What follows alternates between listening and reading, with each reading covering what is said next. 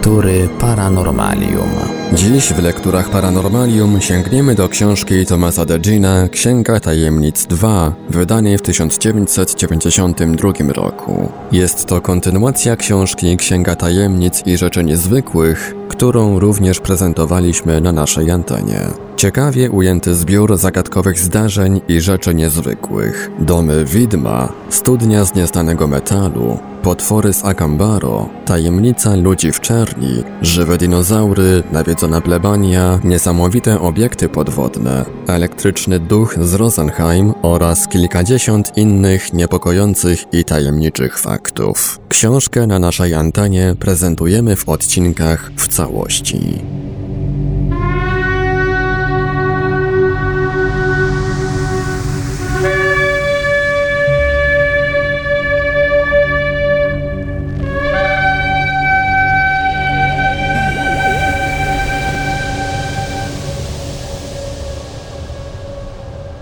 Niezidentyfikowane obiekty podwodne. Zacznijmy naszą podróż od Europy Północnej, gdzie w ostatnich latach odnotowano pojawienie się tajemniczych obiektów podwodnych w okolicach Grenlandii, Islandii, Norwegii, a zwłaszcza Szwecji. Kwietniu 1988 roku Bengt Gustafsson, główny dowódca armii szwedzkiej, podał do publicznej wiadomości, że w ciągu ostatnich sześciu miesięcy odnotowano aż 30 przypadków wykrycia niezidentyfikowanych obiektów podwodnych USO na wodach szwedzkich. Ponieważ raporty z obszaru Skandynawii prawie na pewno dotyczą statków cywilizacji ziemskiej, czasem są wytworami wyobraźni pobudzonej plotkami i paniką lub efektem pomylenia skał podwodnych i innych cech topograficznych dna morskiego, nie będziemy się przy nich zatrzymywać dłużej. W roku 1959 na polskim wybrzeżu Bałtyku w okolicach koło brzegu żołnierze zaobserwowali, jak ze wzburzonego morza wyłonił się trójkątny obiekt o ponad 3-metrowych bokach. Tajemniczy przedmiot okrążył koszary i odleciał. W żaden sposób nie można go było uznać za wytwór cywilizacji ziemskiej, podobnie jak nie mógł nim być pojazd widziany nad jednym z fiordów norweskich w roku 1959.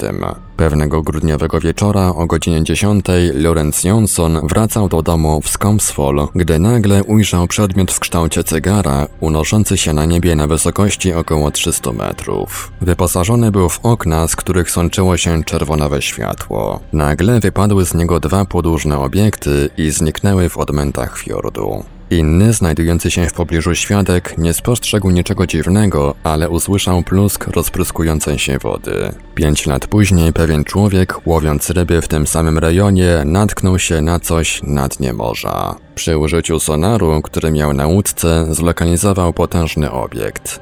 Cztery lata później potwierdzono to niezwykłe odkrycie, gdy norweska grupa badaczy UFO wykryła za pomocą sonaru 6-metrowy przedmiot na głębokości 90 metrów, lecz nurkowie nie zdołali do niego dotrzeć. W lutym 1963 roku, około 50 do 80 km od północnych wybrzeży Norwegii w kierunku Spitsbergenu miało miejsce bardzo dziwne wydarzenie. Okręty brytyjskiej floty królewskiej na północnym Atlantyku odbywały w tamtejszych rejonach ćwiczenia. Tego ranka świadek wydarzenia pełnił służbę obsługując radar sonarowy na jednej z fregat. Na ekranie radaru pojawił się punkt oznaczający trójwymiarowy obiekt. Dane wskazywały na przedmiot o szerokości od 30 do 35 metrów i wysokości ponad 90 metrów. Jego pojawienie się było tak nagłe, że przekracza możliwości jakichkolwiek znanych pojazdów, a świadek twierdzi, że ten sam obiekt pojawił się także na radarze najbliższego okrętu, przy czym warunki wykluczały błędną lokalizację celu. Nie zdołano jednak wypatrzyć go przez lornetkę ani skontaktować się z nim przez radio. Wysłano więc odrzutowce, aby przechwyciły cel. Kiedy zbliżyły się do niego na odległość 20 do 25 km, na ekranie radaru zarejestrowano gwałtowny spadek punktu po ostrym łuku, po czym przebiegł przez pozostałe trzy ekrany i zszedł poniżej linii horyzontu, to znaczy na wysokość 250 do 300 metrów. Wszystko to stało się w ciągu 2-3 sekund. Po utracie kontaktu radarowego cel został przechwycony pod wodą przez sonar rejestrujący obiekt poruszający się szybko na dystansie około 15 km w kierunku, w którym podążał obiekt latający obserwowany poprzednio na radarze. W końcu opadł głęboko w wodę, poruszając się błyskawicznie po zygzakowatym torze daleko od okrętu, a po kilku minutach kontakt został nieoczekiwanie przerwany. Okręt podpłynął do miejsca na morzu, gdzie obiekt pojawił się po raz pierwszy, ale nie było już po nim śladu. Nie udało się także ponownie nawiązać kontaktu. Podobne meldunki o niezidentyfikowanych obiektach podwodnych pochodzą także z nad wybrzeży Wielkiej Brytanii. Anglii, Walii i Szkocji. Częste były tam przypadki, kiedy w strefach przybrzeżnych zauważono płomienie i wzywano statki ratownicze, które nie znajdowały po przybyciu niczego, co mogłoby wyjaśnić zaobserwowany pożar. Takie wydarzenia zdarzały się z niejaką regularnością u wybrzeży wschodniej Anglii, Norfolk i Suffolk. W maju 1975 roku znaleziono przez przypadek jakiś bardzo masywny przedmiot. Około 45 km od Goulston w hrabstwie Norfolk statek rybacki uderzył w obiekt zanurzony w wodzie na głębokości ponad 4,5 metra, uszkadzając śrubę okrętową. Statek cofnął się, po czym za pomocą echosondy usiłował zlokalizować przeszkodę, ale nie zdołał jej odnaleźć. W książce Nadejście statków kosmicznych Gavin Gibbons opisuje dziwne obserwacje poczynione na wybrzeżu w Dayfed w Walii w marcu 1955 roku. Cytat. O godzinie 7.15 wieczorem pani Harding, żona pewnego gospodarza z Aberard, usłyszała wołanie córki, która z głową zadartą ku niebu wskazywała w górę. Na północny zachód od miejsca, gdzie się znajdowały, nad powierzchnią morza lśniła olbrzymia, pomarańczowa, ciągnąca za sobą czarne pasmo kula, która, znacząc na niebie zygzakowatą smugę, powoli opadała w dół. Obie stwierdziły później, że bardzo przypominała słońce, gdyby nie dziwny tor, jaki zakreśliła i długi czarny ogon falujący z tyłu. Podczas gdy przyglądały się temu niezwykłemu zjawisku, nastąpiła eksplozja i dziwny obiekt, nie zmieniając kulistego kształtu i wciąż zachowując intensywnie pomarańczowy kolor, runął do morza. Co dziwniejsze, nadal widać było blask pod powierzchnią wody, który zniknął dopiero po ponad godzinie, kiedy obiekt ostatecznie się rozpadł. Ciągnący się z tyłu ogon zmienił kolor z czarnego na szary, zanim się rozproszył. Nie było słychać żadnych rejestrowalnych przez ucho ludzkie dźwięków ani w powietrzu, ani na wodzie. Koniec cytatu.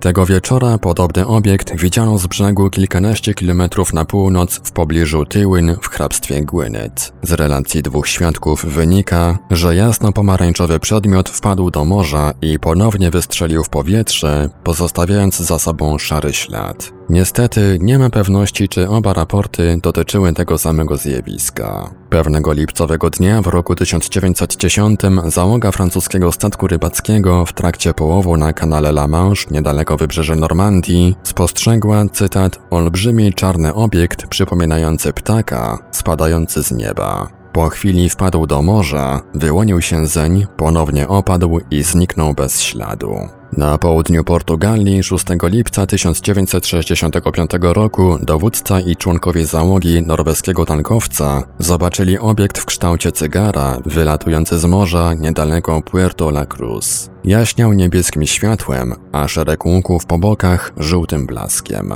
16 lat później, tuż nad granicą hiszpańską w prowincji Uelva, dwóch chłopców widziało światło wydobywające się z morza jakieś 300 metrów od linii brzegowej. Było to w nocy 8 lutego 1981 roku i uwagę ich zwrócił najpierw blask pochodzący z głębin. Cytat. Światło jaśniało coraz bardziej i bardziej, więc myśleliśmy, że to zbliżająca się łódź podwodna, ale nagle wynurzyło się z wody i przez chwilę pozostało zawieszone na wysokości około 500 metrów, po czym szybko zniknęło bez śladu.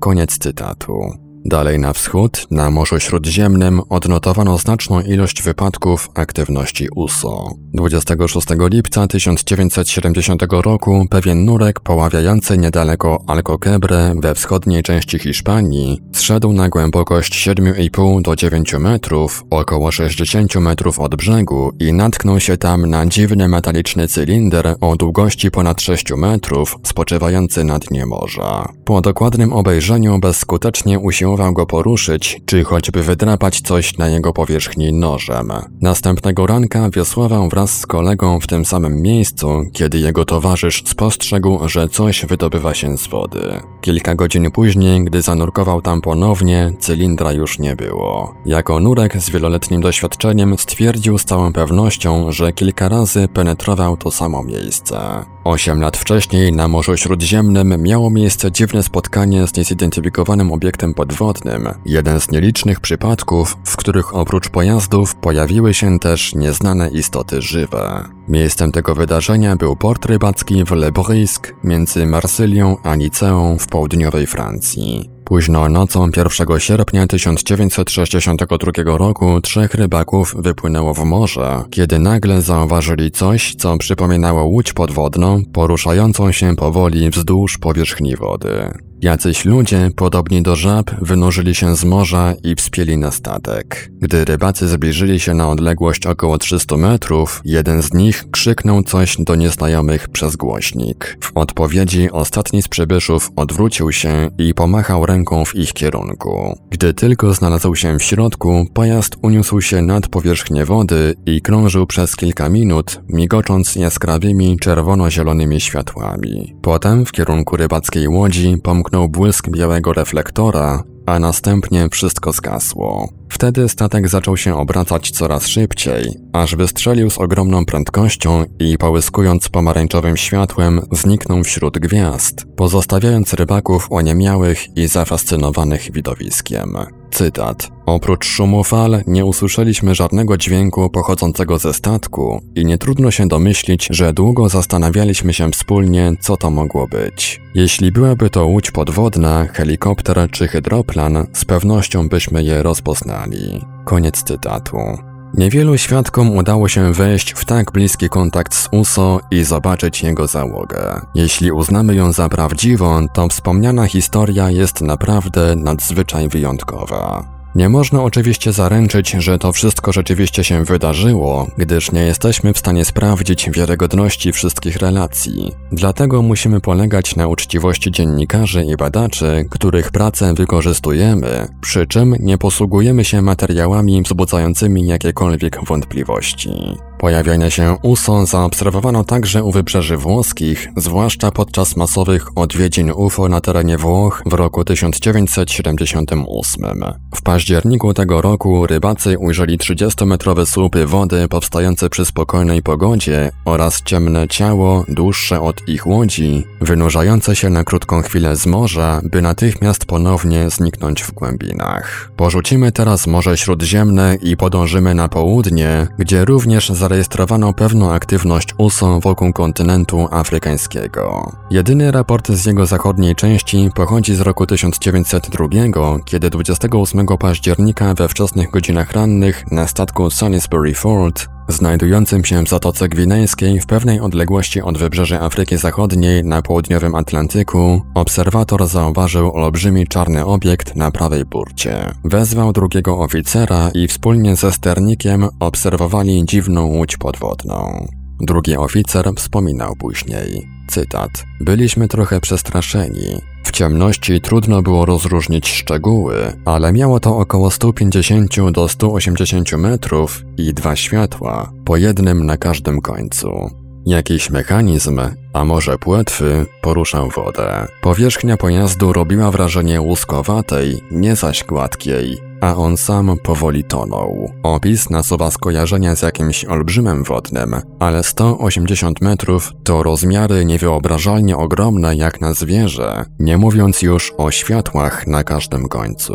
Koniec cytatu. Czy mogła to być nasza łódź podwodna? Wprawdzie, mniej więcej w tym czasie produkcja łodzi podwodnych na świecie rozwijała się dość intensywnie, a pierwsza z nich została spuszczona na wodę przez Brytyjczyków w roku 1901, Niemożliwe jednak, aby ten pierwszy model mógł się oddalić tak daleko od lądu. Na wschód od Afryki jedyny zarejestrowany USO, o którym wiem, pojawił się na jednej z wysp, gdzie 10 lutego 1975 roku mieszkaniec Petit Ile zauważył bardzo jaskrawy przedmiot wyłaniający się z morza i prędko znikający na horyzoncie.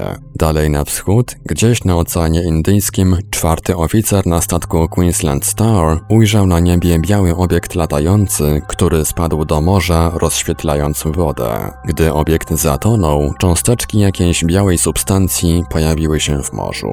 Miało to miejsce 18 września 1901 roku. Tajemnicze łodzie podwodne widywano także wokół Australii i Nowej Zelandii. 11 kwietnia 1965 roku na skałach Wonthaggi w Wiktorii w Australii dwóch mężczyzn przez 15 minut obserwowało dwa przedziwne pojazdy. Z powodu znajdujących się na nich wieżyczek obserwacyjnych uznali je za łodzie podwodne, ale rzecznik marynarki wojennej tak wypowiedział się na ten temat. Cytat. Biorąc pod uwagę strefę pojawienia się obiektu oraz ukształtowanie linii brzegowej, wstępna analiza wykazała, że wspomniane statki nie mogły być łodziami podwodnymi. Koniec cytatu. Zaledwie cztery dni później dwóch nastolatków widziało dwa cylindryczne obiekty niedaleko Coolum w Queensland, a trzy dni później dwaj rybacy uciekali przed dużym obiektem podążającym ich śladem w pobliżu Mululeby, również w Queensland. 6 czerwca 1965 roku na morzu niedaleko Fraser Island w Queensland także widziano dwa niezidentyfikowane obiekty. Ciemne, wąskie i długie na około 30 metrów. Inni świadkowie dostrzegli z samolotu dwa lub trzy mniejsze, krążące wokół tych większych. Zagadkowe łodzie podwodne widziano również w 1965 roku w okolicach Nowej Zelandii, wcześniej nawet niż w Australii. 12 stycznia w Kajparze na północ od Helensville samolot DC-3 przelatywał na wysokości 150 metrów nad przystanią, kiedy kapitan zauważył wieloryba na mieliźnie, który po dokładniejszym obejrzeniu okazał się metaliczną konstrukcją o długości około 30 metrów. Marynarka wojenna potwierdziła, że nie mogła to być normalna łódź podwodna z powodu niedostępności tego rejonu dla tego typu sprzętu. W listopadzie tego samego roku dwaj rybacy w drodze na wyspę Stewarta zobaczyli w odległości około 300 metrów wynurzającą się z morza dziwną wieżę, w pobliżu której pojawiła się także jakaś skrzynia.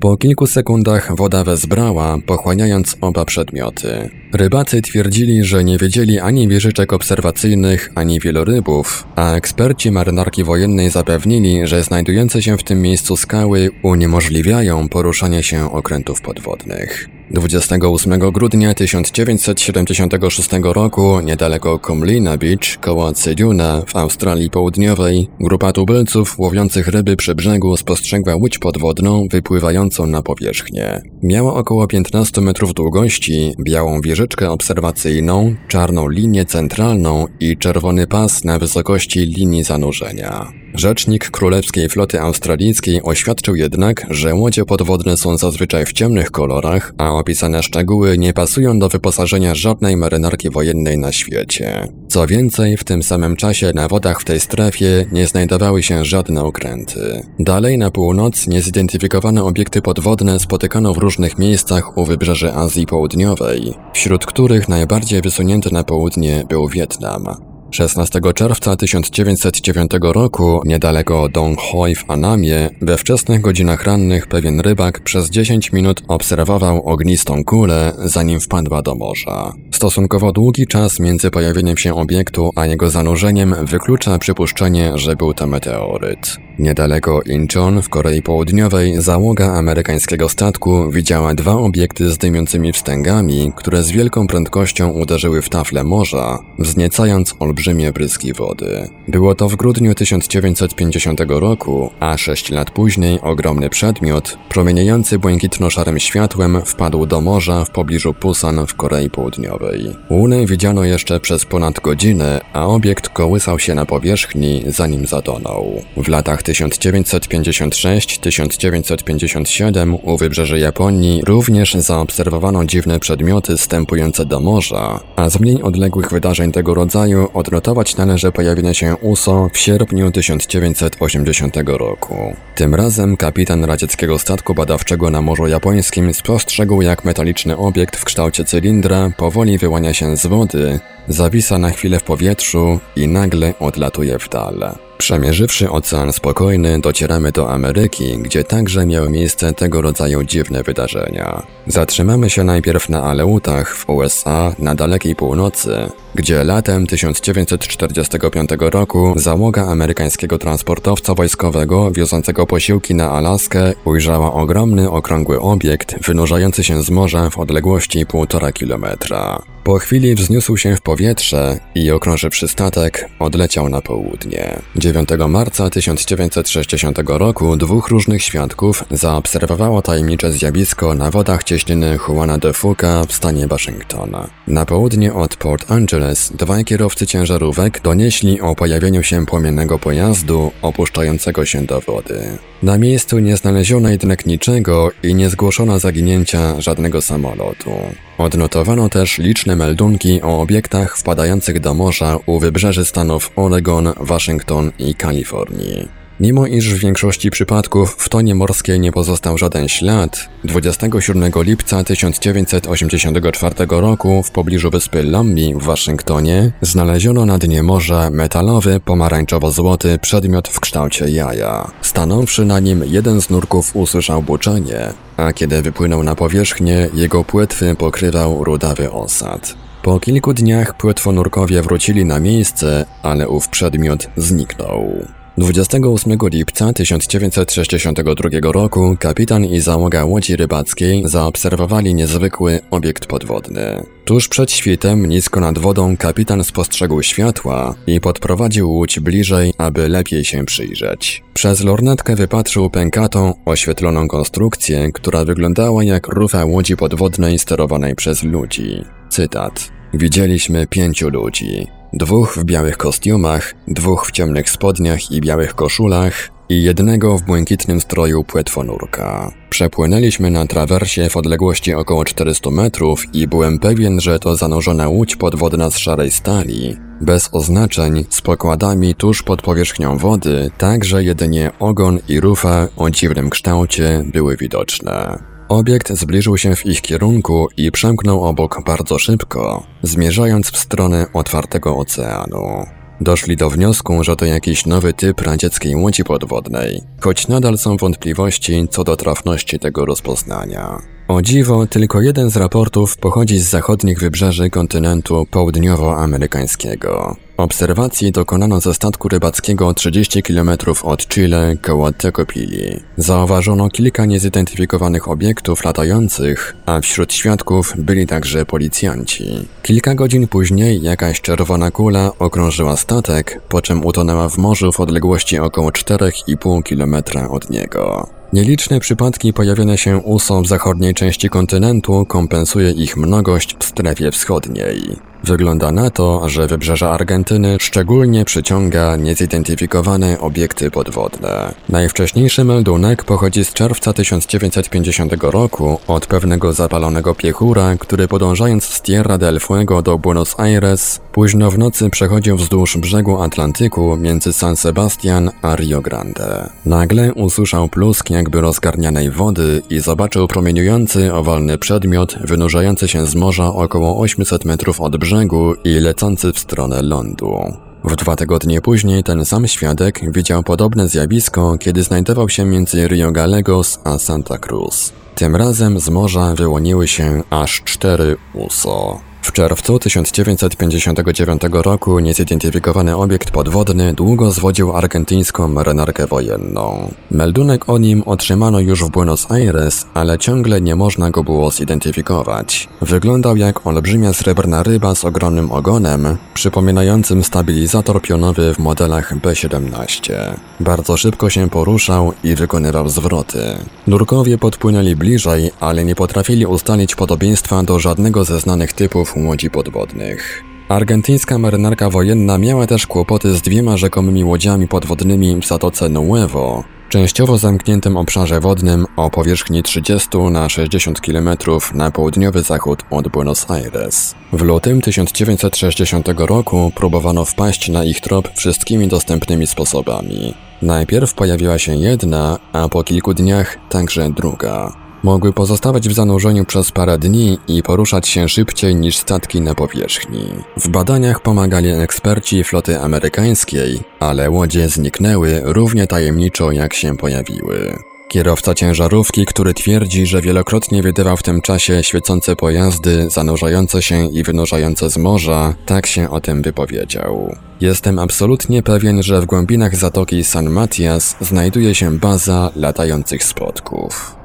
W Patagonii podobne zjawiska są tak powszechnie znane, że rozmowy o Marsjanach są rzeczą zwykłą wśród tamtejszych mieszkańców. 30 czerwca 1904 roku pewien kierowca przejeżdżając obok Compdoro Rivadavia zobaczył trzy lub cztery obiekty latające, które jeden po drugim wleciały do morza. Kilka kilometrów dalej spostrzegł świetliste przedmioty, może te same co poprzednio, wynurzające się z wody i krążące z dużą prędkością. W końcu wzbiły się wysoko i zginęły na niebie. Kilka kilometrów na południe od zatoki Saint-Georges 18 marca 1966 roku pewien rolnik ujrzał w odległości nie większej niż 30 metrów olbrzymi pojazd latający w kształcie cygara. Miał około 20 metrów. Był wykonany z jakiegoś szaro-czarnego metalu, a jego gładka powierzchnia pozbawiona była okien i oznakowań. Z tylnego końca wydobywał się szary dym i wyglądało na to, że pojazd ma kłopoty, gdyż wydawał dziwne odgłosy, jakby sapania. Kiedy wpadł w wibrację jak przed eksplozją, gospodarz uciekł, aby się gdzieś ukryć. Gdy pojazd znajdował się nad samym morzem, runął prosto do wody. Cytat. Wcale nie płynął, po prostu uderzył w wodę z ogromnym bryzgiem i szybko poszedł na dno. To jeszcze nie jest koniec tego rozdziału. Druga, równie długa i ciekawa część już za tydzień.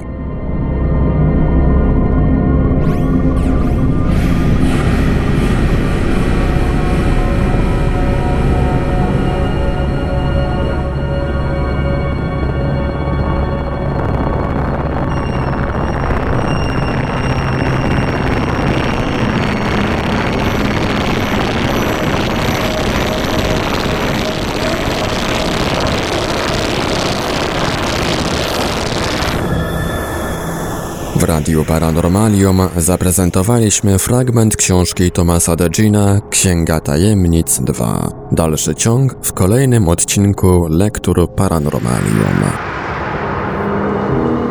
Archiwalne odcinki Lektur Paranormalium znajdziesz do pobrania w archiwum naszego radia na stronie www.paranormalium.pl.